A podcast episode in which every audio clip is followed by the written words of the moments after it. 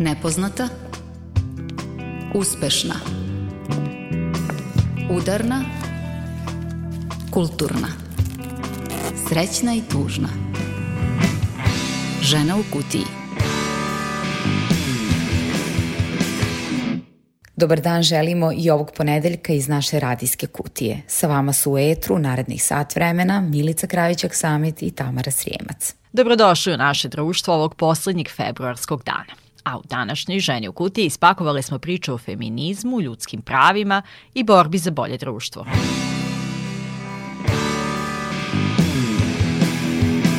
Kakav bi bio budžet po meri građanki? U kojoj meri Novi Sad primenjuje rodno budžetiranje, govori rubrika Udarna. U medijima radi 60% žena, ali ih je samo 20 na upravljačkim pozicijama. Analiza položaja novinarki, kako u kontekstu realne moći, tako i po pitanju bezbednosti, stiže uskoro.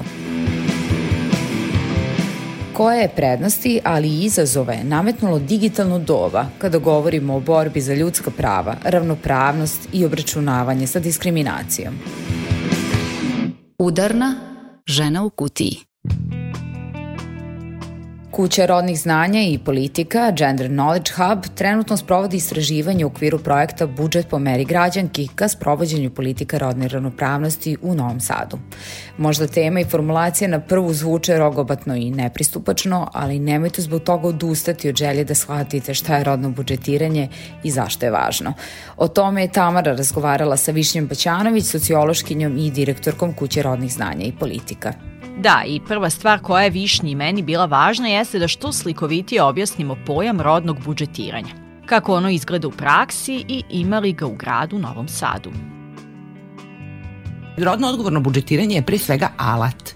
I u stvari nema puno veze sa tom pričom o rodnoj ravnopravnosti direktno, kao podizanju svesti i razumevanju i svemu drugom, nego je u stvari alat vezan za javne politike i za upravljanje javnim politikama i za to da ako sad postoje neki ciljevi koji su globalno postavljeni, nacionalno postavljeni, na primjer da mi znamo da i dalje žene trpe nasilje širom sveta, da mi znamo koliko je žena ubijena u nasilju, da znamo koliko nam je žena nezaposleno, da znamo koliko su žene siromašnije, da znamo da žene žive više e, same s decom, da znamo koliko rade dnevno sat sati neplaćenog rada, što je velika tema u, u feminističkoj ekonomiji. Znači, kad sve to znamo, donete su politike i rekle, ok, ovo su naši ciljevi. Vi da biste sproveli bilo koju javnu politiku, morate da uložite neki novac u to mm -hmm. i budžet je u stvari glavni instrument javne politike. I kako bi to sada slikovito izgledalo na primjeru budžeta grada Novog Sada? Znači, ako mi kažemo, mi hoćemo povećamo zapošljavanje u Novom Sadu, mi moramo da uložimo novac da ostvarimo taj cilj. Ako kažemo, hoćemo da povećamo zaposlenost žena, na primjer, u Novom Sadu, mladih, jer su na mlade žene potpuno ono van tržišta rada manje više. I u stvari rodno odgovorno budžetiranje je alat koji osigurava da će se iz budžeta kao javnih para koje pripadaju svim građanima i građankama izdvojiti sredstva i za politike i ciljeve koji doprinose rodnoj ravnopravnosti, ne samo unapređenju položaja žena, nego i muškaraca, tamo gde su zbog rodnih uloga i, i stereotipa muškarci nekako u nekom neravnopravnijem položaju. S druge strane, pitanje pravde kao na čije potrebe se troše budžetska sredstva, šta je prioritet i rodno odgovorno budžetiranje pokušava da promeni malo način na koji se definišu prioriteti. Da to ne bude nešto po automatizmu kao aha, ovo smo finansirali prošle godine, fino i sad ćemo, bez da promislimo, ok, kao na čije živote te utiče. pare imaju. Mm -hmm. Tako je. Da, i to smo nas dve pričale pre ovog sada razgovora u etru mm -hmm. oko tih kapitalnih ulaganja, odnosno ulaganja u kapitalne projekte i to je isto pitanje ko određuje i na koji način koji su to kapitalni projekti. Da li se tu vodi računa koliko je tu, postoji taj rodni balans? U principu ne, zato što se kapitalna ulaganja generalno gledaju kao da su jako super, pogotovo u saobraćenu infrastrukturu, ali su recimo Britanke u okviru njihove mreže za rodno odgovorno budžetiranje davno istraživački dokazale da u stvari i za bruto društveni proizvod i za zapošljavanje i za e, bilo š, i za socijalne neke parametre je ulaganje u tu takozvanu mekanu socijalnu infrastrukturu tipa obrazovanje, zdravstvo, mm -hmm. predškolsko, e, briga o starima, da to ima mnogo veće efekte, čak i ekonomske, nego ulaganje u tu tvrdu infrastrukturu, puteve, kanalizaciju i tako dalje. A pogotovo, na primjer, autoputeve. I onda mi sad kažemo, mi znamo da recimo 30% od svih ljudi koji imaju vozačku dozvolu u, u Novom Sadu su žene bar je tako bilo 2019. I mi znamo žene manje voze. I onda, ako kažemo, hoćemo da povećamo mobilno žena, pogotovo iz prigradskih naselja, naselja moramo povećamo broj autobusa. To može nam bude mm -hmm. cilj. I sad je pitanje prioriteta, da li ćeš ti finansirati da popraviš put i rupe na putu i da napraviš još jednu saobraćajnicu ili ćeš finansirati javni prevoz. Jer ako ćeš finansirati javni prevoz ili biciklove, to je u stvari rodno odgovorna stvar. Mm -hmm. Zato što odgovara i na potrebe i na potrebe žena, to jest onih koji ne voze, to su i deca između ostalog. Ne da, uh, i generalno da bismo promišljali te teme i da bismo se bavili tim, vrlo je važna i ta transparentnost, odnosno da se mi svi zanimamo na šta se troši novac iz budžeta i da li smo mi svesni, građani i građanke, šta sve može da se finansira na nivou lokalne samouprave? Uh, mislim, mi svi treba da sedimo i da gledamo u budžete zauvek, zato što je u budžetu sve, ali se u njemu ništa ne vidi kad ga ovako otvoriš odluku o budžetu, na primjer grada Novog Sada, jako je to konfuzno i otprilike možeš da budeš stručnjakinja za javne financije, da možeš da pročitaš šta tu piše i ti tu ne vidiš šta u stvari, u šta se ulaže, ulaže novac. Ali je zanimljivo da rodno odgovorno budžetiranje otvara i to pitanje finansiranja stvari za koje ne bismo očekivali. Kao na primer, sad da se finansira da možeš negde da ostaviš dete na dva sata u toku dana ili u toku poslepodneva van vrtića ili da može da se finansira neki dodatni prevoz ili da može, recimo ovo, ova čitava priča o finansiranju aktivnosti vezanim za sprečavanje nasilja prema ženama, to je nekad bilo nezamislivo. Znači, to je pitanje šta mi vidimo kao javnu stvar i kao ciljeve javnih politika. Tako da da se finansiraju neke alternativne usluge i da se one razvijaju i da se osmišljava šta je potrebno, za to je potrebno vreme. Ali recimo sada imamo, ranije nismo imali pedagoške asistente za romsku decu. Mm -hmm. To ranije nije postojalo, ali to je jako važna usluga za romsku zajednicu. Ili personalni asistente za osobe s invaliditetom. Ali i dalje vi imate jako malo plaćene te poslove. Mi treba kao grad da uložimo više novca u te usluge i da ljudi koji to rade budu dobro plaćeni, jer biti me pokazujete da li nešto vrednujete ili ne vrednujete.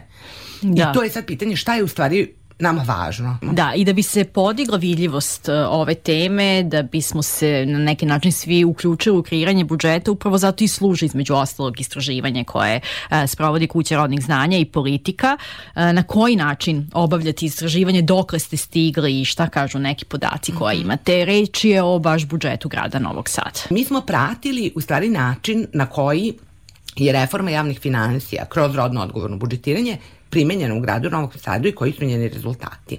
Umeđu vremenu se desilo, baš za prethodnu godinu, da je grad Novi Sad dobio nagradu za rodno mm -hmm. odgovorno budžetiranje od koordinacijonog tela za rodnu ravnopravnost, imajući u vidu napredak koji je postigao u toj oblasti. E sad šta mi u stvari u našem istraživanju radimo? Mi e, pravimo takozvani e, monitoring izveštaj primene rodno odgovornog budžetiranja. Ono što nas interesuje konkretno je ok, ali šta je kroz rodno odgovorno budžetiranje finansirano, za koga jel, da li za žene, za muškarce, za koje grupe žena, za koje grupe muškaraca i koliko je to u stvari u parama. Zato što je to ono što je na kraju, što bi rekli, što se na kraju dana broji, ok, uvedeno je rodno odgovorno budžetiranje, ali koliko je u stvari para izdvojena za to i na osnovu čega. Da li smo mi samo rekli, ok, nama je slatko da finansiramo sad zapošljavanje žena, ali koji su nam efekti toga, koje smo mi žene zapošljavali, um, da li smo stvarno rešavali probleme koji dovode do njihove nezaposlenosti ili smo radili nešto što im ne treba.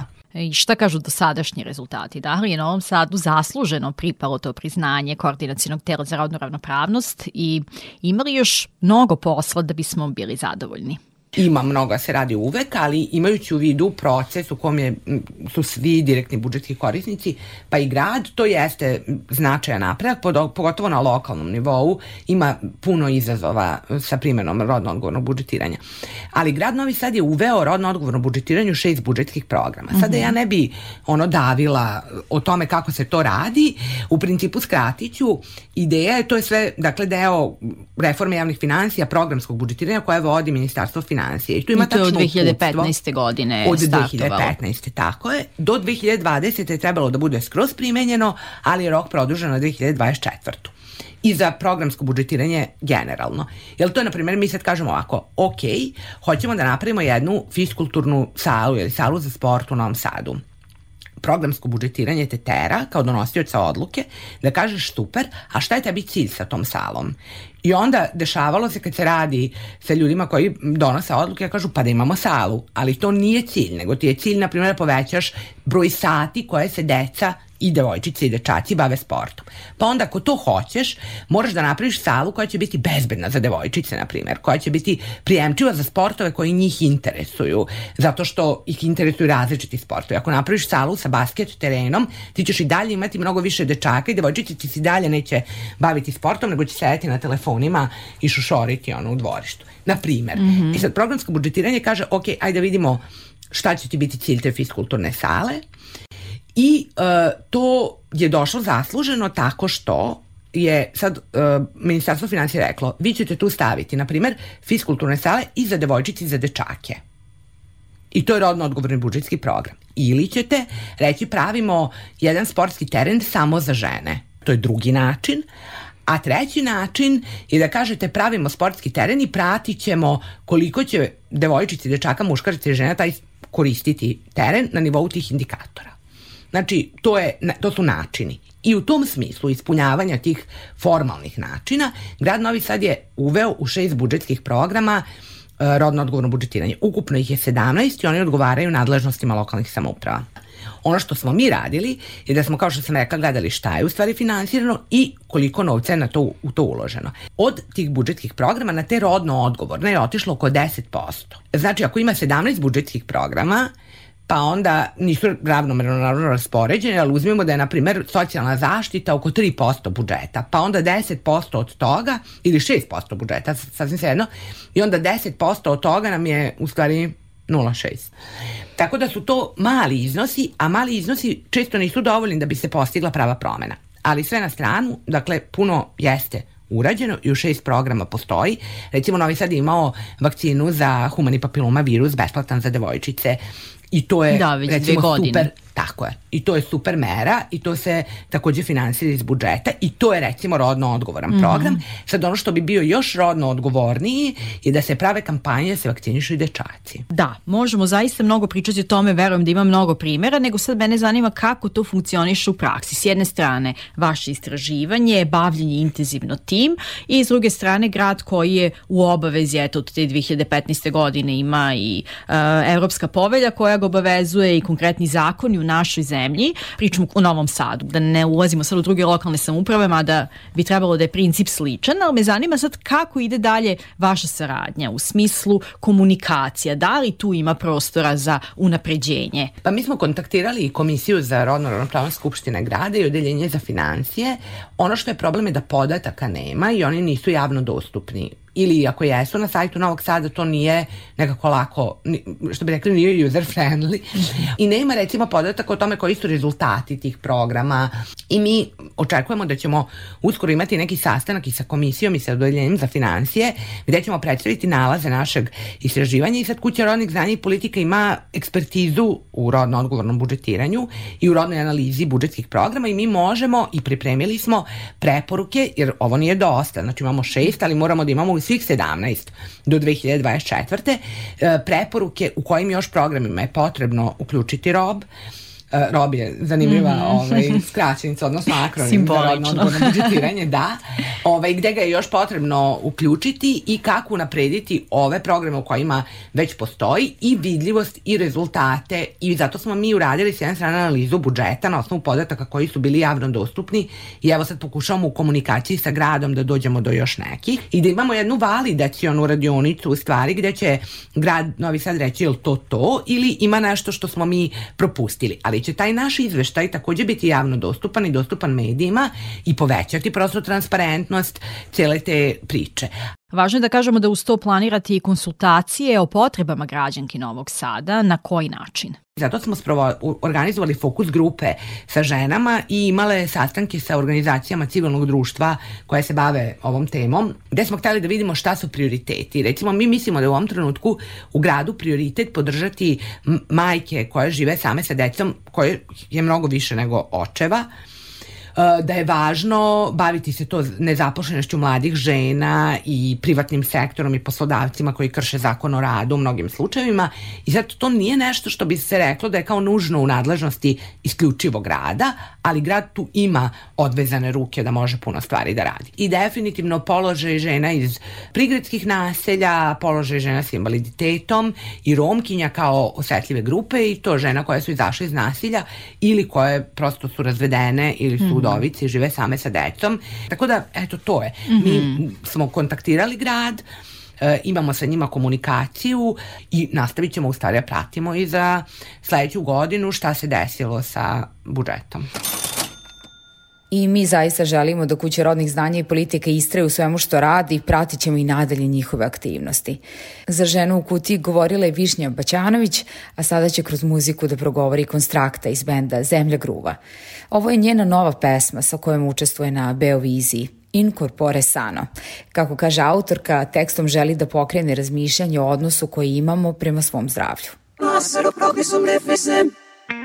Koja li je tajna zdrave kose? Mega Markle Koja li je tajna? Koja li je tajna zdrave kose? Mega Markle Koja li je tajna? Koja li je tajna? Mislim da U pitanju je duboka hidratacija. Kažu da Na koži i kosi se jasno vidi sve tamni kolotovi oko oči ukazuju na probleme s jetrom. Leke oko usana, možda uvećana slezina Uvećana slezina, nije dobra, nije lepa. A umetnica mora biti zdrava. Biti zdrava, biti zdrava, biti zdrava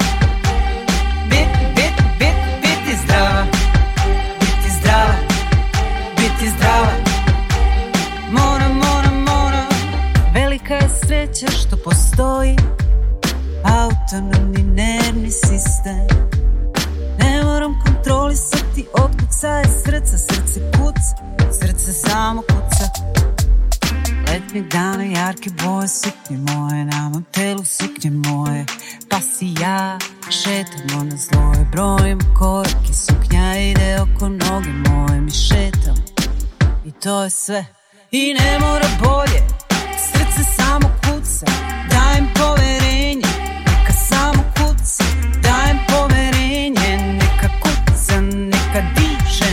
Bože zdravlja, Bože zdravlja, Bože zdravlja. Bože zdravlja. Nemam knjižicu.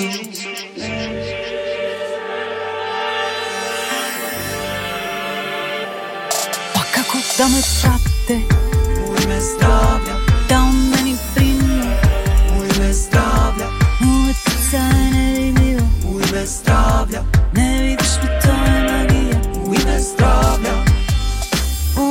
се може би ти здрава.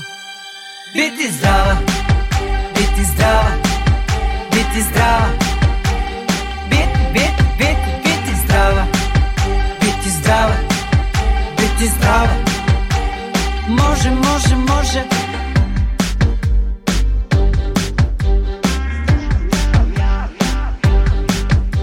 Il corpo è sano, il corpo è sano. Il corpo è sano, il corpo è sano.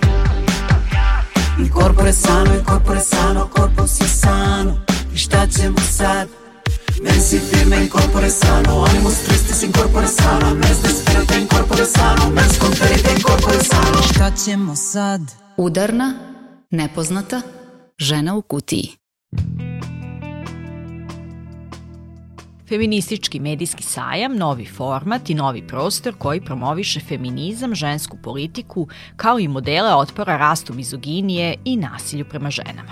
Pokrenule su ga sestre iz Befema poslednjeg vikenda u januaru i time su zaista napravile kontinuitet kada je reč o njihovoj borbi za unepređenje položaja i vidljivosti žena i uz njihovu saglasnost koristimo materijal za naredne priče. Ko o čemu Tamara i ja o medijima i položaju novinarki. Profesorka Snježana Milivojević u razgovoru za Beogradski feministički festival komentarisala je činjenicu da kod nas u medijima preko 60% zaposlenih u informativnim jedinicama čine žene, a samo 20% ih je na odlučujućim upravljačkim pozicijama. To je stvarno neobično da industrija u kojoj su zaposlene žene u stvari proizvodi njen proizvod je jedan od pokazatelja neravnopravnosti i to dramatičnih pokazatelja. I sad, to je drugi problem zašto je to tako. Dakle, jedna je, jedan je krug taj um, patrijarhat globalno, a, ali je druga stvar ta profesionalna novinarska kultura. Globalni monitoring se odnosi na informativne medije. I mi naravno zapljusnuti medijskom kulturom i, i rekom jeli, ženskih tela, pojava, izjava u toj popularnoj kulturi zaboravimo da se taj globalni kontekst popularne kulture prilično razlikuje od informativnog. Znači, naš, našu ideju o svetu u kome živimo formiraju informativni mediji. Oni su ti koji setuju uh, agendu, teme, utvrđuju jeli, horizont našeg znanja o svetu u kome živimo. U Evropi taj procenat je drugačiji, dodaje profesorka sa Fakulteta političkih nauka. Taj procenat je obrnut u Evropi. U Evropi je manje žena zaposleno, ali ih je više na upravljačkim funkcijama. Taj trend vode javni mediji. Sve to nije slučaj kod nas, nažalost, u javnom servisu i RTS-u i RTV-u. Žene su takođe većina među zaposlenima, ali ih nema ni na uredničkim ni na direktorskim funkcijama. Komentarišući i svetsku medijsku scenu, profesorka Milivojević uočava i loš trend ranog sklanjanja žena sa ekrana, jer tamo, pod navodnicima, žene mnogo brže stare. Ali s druge strane, prisutnije su na pozicijama odlučivanja. Zanimljivo mi je takođe da su veliki komercijalni mediji otvoreni za direktorske i upravljačke funkcije. Više je žena na mestima direktorki ili izvršnih direktorki u pogotovo u lancima velikim svetskim, tim koji kao a, imaju um, i mediji ovde. I onda je sad zanimljivo, da li je to sad neka biznis kultura koja je drugačija i koja nam dolazi iz sveta, koja je otvorenija i uvažava različitost i koja ima i te interne norme na kraju koje na tu vrstu poštovanja različitosti obavezuju. Ili mi i dalje se vraćamo na to ključno mesto zatvorenosti naše reprezentacije u medijskom smislu, jer su i upravljačke i uredničke funkcije manje otvorene. Kad u priču uvedemo i aspekt bezbednosti novinarki, onda je situacija kod nas još dramatičnija. Reakcije javnosti i još važnije policije redke su i neučinkovite. Novinarka danasa Snežana Čongradin kaže da je već oguglala na pretnje koje dobija, ali jedna skorašnja je zaista uplašila. Nasilje koje je došlo preko društvenih mreža, prijavila sam ga prvi put posle 15-20 godina mislim, e, uplašila sam se.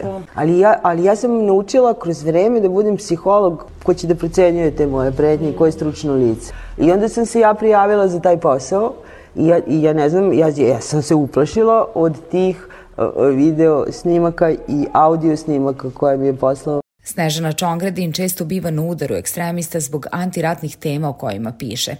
Nažalost i novinarka i feministička aktivistkinja Jelena Diković ima dugogodišnje iskustvo sa pretnjama i ugroženom bezbednošću.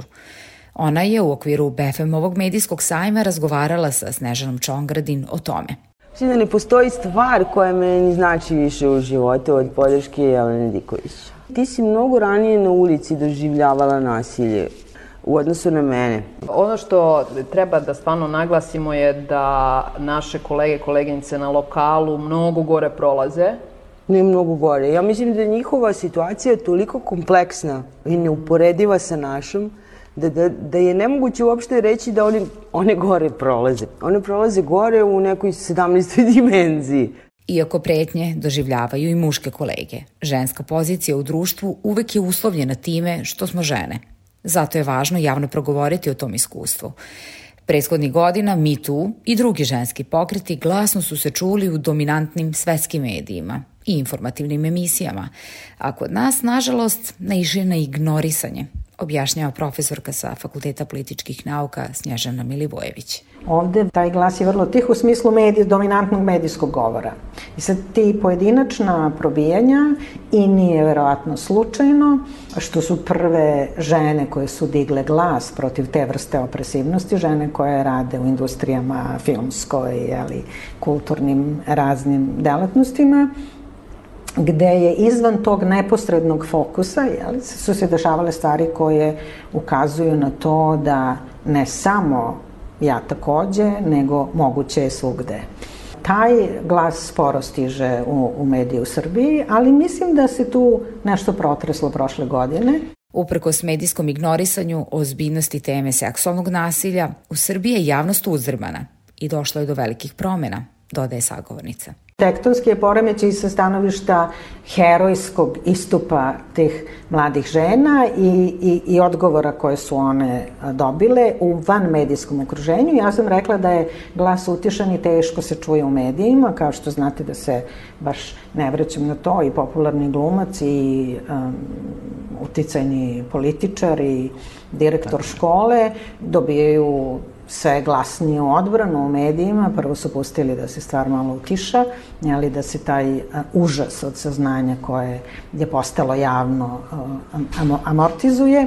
A sada se, ja mislim, već prave krugovi podrške i oni sve glasnije pokušavaju da negiraju hrabrost tog čina, to je naravno nemoguće, ali mainstream mediji, odnosno informativni mediji, tome ne, u, u tom smislu sam rekla da je taj glas utišan, što je skandalozno.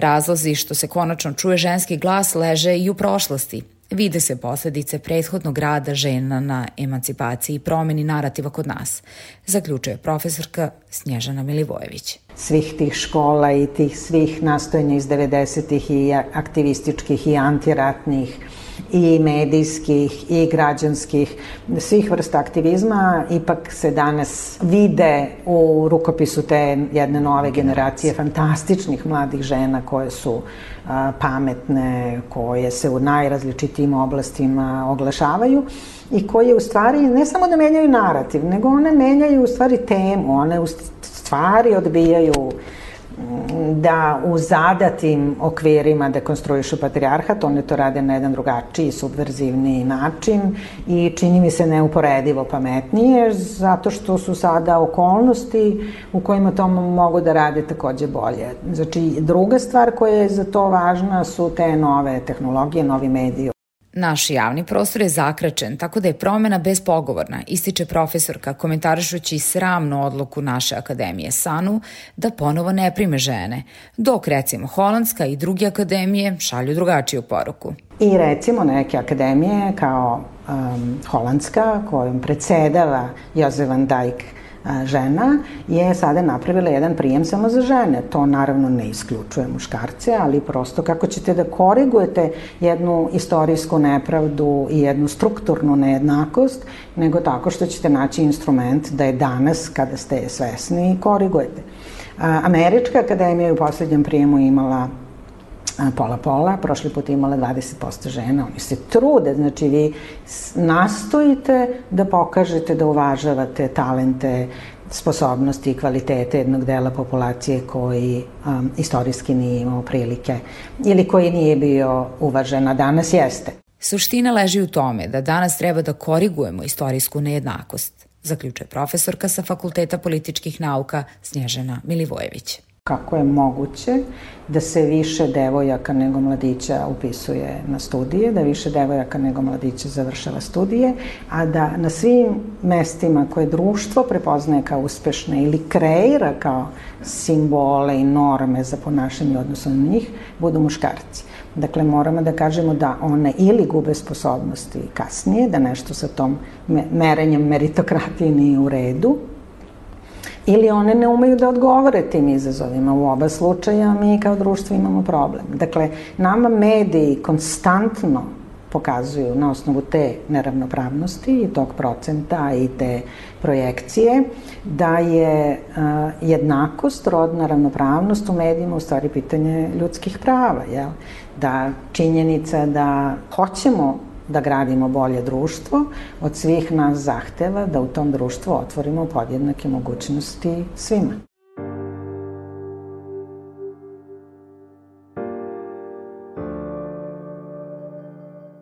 Uz konstraktu i druga žena autentičnog glasa koju smo slušali u sastavu Zemlja gruva samostalno nastupa na festivalu pesme za Euroviziju. Pesma Baby je rezultat saradnje Zoe i novog beogradskog benda koji je formiran tokom leta 2021. godine. Baby, ova noć je samo naša baby Volim te ko prvog dana baby Bila samo ljubav sada, baby. Na krilima smo grada, hej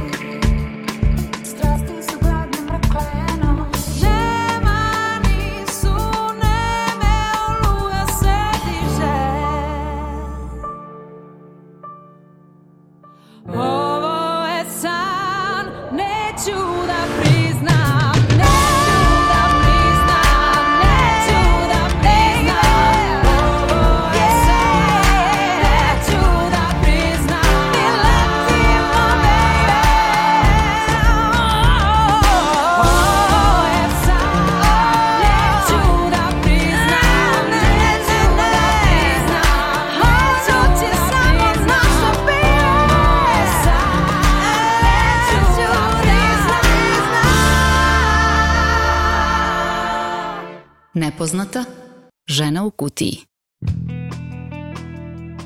Još jedna priča koja je pokrenuta na BFM-ovom feminističkom medijskom sajmu jesu prednosti, ali i izazovi koje je digitalno doba postavilo pred nas. Kada je reč o borbi za ljudska prava, obračunavanje sa diskriminacijom, stereotipima, predrasudama i govorom mržnje. U Ženi u kutiji prenosimo šta je o digitalnom dobu govorila Ana Martinori, koja vodi studijski program Digitalna transformacija medije i kulture na Fakultetu dramskih umetnosti u Beogradu, kao i podcast Iza tvog ekrana. Živimo uh, u vremenu u kome je prošao onaj prvi romantični zanos uh, internetom i digitalnim tehnologijama, kada smo mislili da je taj prostor apsolutno otvoren, apsolutno demokratičan, da će to u stvari biti prostor u kome će se ostvariti svi neki naši demokratski ideali, sve ono uh, o čemu smo sanjali u vreme analognih medija um, i nekih potpuno drugačijih društava na neki drugi način kontrolisanih i zatvorenih. I mislim da sad živimo u jednom trenutku koji je uh, mnogo realističniji kada su u pitanju i naš odnos prema digitalnim tehnologijama i internetu i mogućnostima prosto i tih alata i tog prostora. To znači, dodaje ona, da se stvaran svet, njegovi obrazci ponašanja i komunikacije u velikoj meri preslikavaju u online prostor. Samim tim, predrasude, stereotipi, govor mržnje, diskriminacija, sve to možemo da nađemo i u digitalnom svetu. Međutim, ono što nam analogna doba nije dozvoljavalo, a sada imamo, jeste mogućnost da svako ima glas koji koji može da se čuje. U tom smislu postoji bolji prostor da zapravo izazovemo sve one stereotipe i predrasude koje su možda bile karakteristične, koje su nastajale u nekim drugim vremenima, da se sa tim stereotipima i predrasudama borimo i da sa druge strane u stvari ponudimo mnogo veću lepezu identiteta, uloga, mogućnosti i kapaciteta koje žene zapravo u savremenom društvu imaju. A da bismo bolje shvatili prednosti digitalne tehnologije, interneta i inovacije u tom kontekstu, trebalo bi da se vratimo u istoriju, kaže Stefan Janjić sa katedre za novinarstvo na Filozofskom fakultetu u Novom Sadu. Zapravo ukoliko se prisetimo svega onoga što smo učili recimo kroz osnovnu i kroz srednju školu, šta je ono što nam istorija govori, to su uglavnom bile priče o moćnim ljudima, o kraljevima, o vojskovođama, o onima koji su ratovali, a istovremeno veoma malo znamo o mirnodopskom periodu, znamo veoma malo o tome kako je živela prosečna žena, prosečan čovek, kako je živelo njihovo dete, kako mu je izgledalo detinjstvo, kako su izgledali međuljudski odnosi, kako su se ti ljudi hranili. I konačno danas uh, imamo sve više interesovanja za ono što bi bila istorija od ozdo. Dakle, istorija uh, običnog čoveka, obične žene, nekih svakodnevnih momenta koji možda na izgled mogu delovati trivialno, ali posmatrano ukupno u nekakvom uh, našem iskustvu uh, i tekako ostavljaju traga na svakom od nas uh, i na, na formiranju naših ličnosti. Danas internet otvara taj prostor da svaki glas, koliko god bio mali, manjinski, marginalizovan, može da se čuje i da se stvori neka vrsta eha u tom smislu.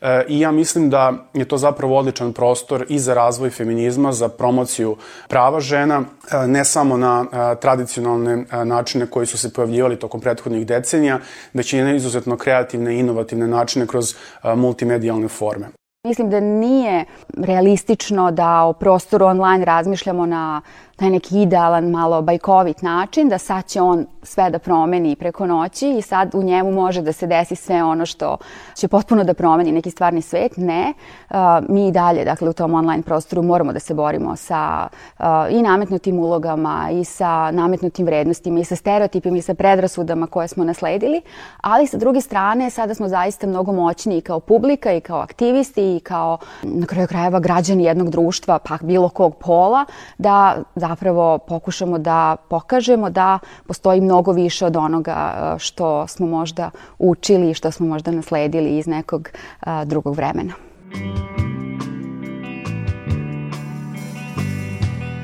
Kada govorimo o online okruženju i online atmosferi, naravno da možemo reći da je sjajno što se otvorio jedan veliki prostor za žene i ne samo za žene, nego i za niz osetljivih grupa, za penzionere, za e, decu, tinejdžere, za pripadnike verskih i nacionalnih manjina, za LGBT populaciju, da iskažu svoje stavove, da progovore o svojim problemima, da sugerišu određena rešenja, dakle kako bi se njihov položaj mogao popraviti. Ali na tom istom online prostoru se regrutuju čitave grupe ljudi koji šire i govor mržnje i toksični sadržaj i tu dolazimo do neke vrste konfrontacije. Docentkinja Jelena Kleut, koja takođe dolazi sa Filozofskog fakulteta u Novom Sadu, potvrđuje da je ovo svet koji je daleko participativniji i u kojem glas imaju svi.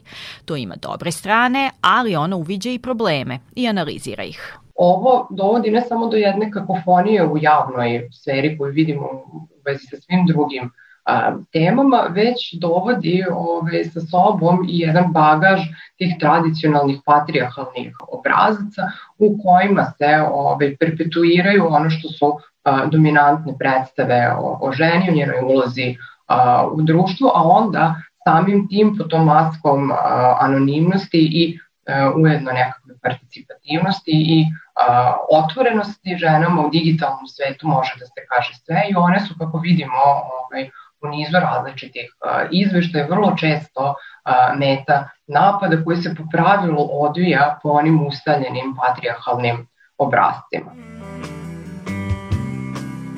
Drugi problem ovog novog digitalnog sveta koji nastaje sa internetskim društvenim mrežama jeste da je on jedan izrazito komercijalni svet i tu su sadržaji oni koji pokreću mašineriju ovog komercijalnog sveta, ove, a iza tih sadržaja stoje velike kompanije koje računaju da dobiju što više lajkova, šerova, klikova unutar ovog komercijalnog sveta digitalne tehnologije se preuzima ova jedna izrazito komercijalna slika, pre svega slika žene koja perpetuira ono što su tradicionalni mediji činili prodajući svoje televizijske ili ili štampane sadržaje, dakle to je jedna izrazito seksualizovana slika koja ove, sada više nije centralno emitovana kao što je to bio slučaj u analognoj eri, već kako vidimo takva slika ove, okuplja ljude na različitim obskurnim forumima, okuplja im na aplikacijama kao što su Telegram i takva slika žene postaje predmet trgovine i razmene u tom digitalnom svetu. I da li zbog svega toga treba da budemo obeshrabreni ili je ipak jači potencijal koji digitalne tehnologije imaju kada je reč o osnaživanju žena, povećanju njihove mobilnosti i težnji da se unapredi aktivizam i borba za ravnopravnost. To je nešto što možda treba da nas plaši u 21. veku, ali ja bih rekao, možda sam suviše optimističan, ali eto, pustit ćemo vreme da to i pokaže, da u takvim borbama uvek pobeđuje onaj sadržaj koji je pravedniji, koji je na strani e, istine, koji je na strani ljudskih prava i koji je u konačnici kreativniji. Bez obzira na sve ove manjkovosti, treba ipak reći da je takva tehnologija, taj participativni web omogućio i neke druge ove forme umrežavanja i udruživanja e, žena i omogućio im je, što smo dobro videli na primjeru i mi tu pokreta, da ove, svoje možda rascepkane i globalno razjedinjene glasove lakše mogu da uh, ujedine i lakše mogu da odgovore ovaj, na ono što je dominantna slika žene u digitalnom svetu. Ono što nam takođe praksa pokazuje proteklih godina a, jeste da a, razni oblici digitalnog aktivizma koji su negde dobili prilično negativan PR, negde kad se kaže kliktivizam, onda mislimo na publiku koja je pasivna, koja u suštini nije spremna na neku ozbiljniju akciju. Ono što nam praksa pokazuje da to nije baš tako, da zapravo digitalni aktivizam može da bude indikativan za građane koji će biti aktivni u stvarnom životu. I u tom smislu bih prosto pomenula da možda svaka aktivacija u digitalnom prostoru može da bude uvod u nešto što će postati i šira građanska akcija u nekom fizičkom svetu. Ukoliko osmislite poruku koja je duhovita, koja je snažna, koja na vrlo upečatljiv način govori o nekom traumatičnom iskustvu, zapravo vi izlazite kao pobednik iz te situacije, čak i ako se ispod vašeg posta na Facebooku recimo pojavi gomila onih ciničnih haha emojija. U nekoj konačnici, u široj perspektivi, ja mislim da je pobeda na strani onih koji čvrsto stoje uz odbranu ljudskih prava. To je naravno jedan beskonačan prostor za na kraju krajeva proizvodnju sadržaja koji će na neki nov način informisati, edukovati i prosto širiti neke nove skupove vrednosti za neku publiku koja je na neki način zanemarena kada govorimo o tradicionalnim i mainstream medijskim kanalima i prostorima. Hvala BFM-u što upravo sve ove teme pokreće u online prostoru i informiše i edukuje publiku. Ceo sadržaj sa feminističkog medijskog sajma možete pogledati na Facebook stranici BFM-a. A ženu u kutiji možete pronaći na sajtu Radio Televizije Vojvodine kao i na mrežavama Facebook i Instagram. A u etru smo ponovo za dve sedmice. Pozdravljaju vas Milica i Tamara kao i naš ton majstor Aleksandar Sivić. Želimo vam prijatan dan i još bolje sutra. Uz pesmu Novi dan, kant autorke Natali, zahvaljujemo vam se na slušanju. Sutra je novi, novi dan Sutra sve zaboravljam Idem dalje kroz kijamet Al ne ide u amanet. Sunce dođe posle kiše Tada voleću sebe više. Moći će lakše da se diše. Oh, oh, oh. Dižem glavu Ustajem iz ružnog sna. Premlada da traćim život Traćim ga neću da gubim vreme. Ljudi imaju gore probleme. Ljudi misle da sam dobro. Ja tresem se od treme. Ja nisam sama sa sobom. U ruci mi piće kobno. Osjećam ko da ispijam otrov Zašto bila sam samo sa tobom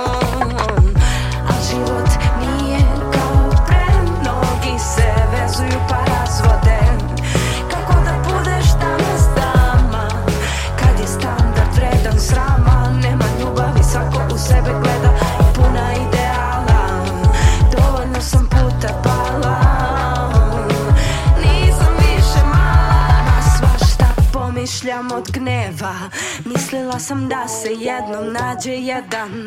Šta je ljubav, brak i veza? Ako ne valja puno je stresa. Kada dobro je onda je sveža On je vara, ona ni ne zna. Tako nam i treba. Tako nam i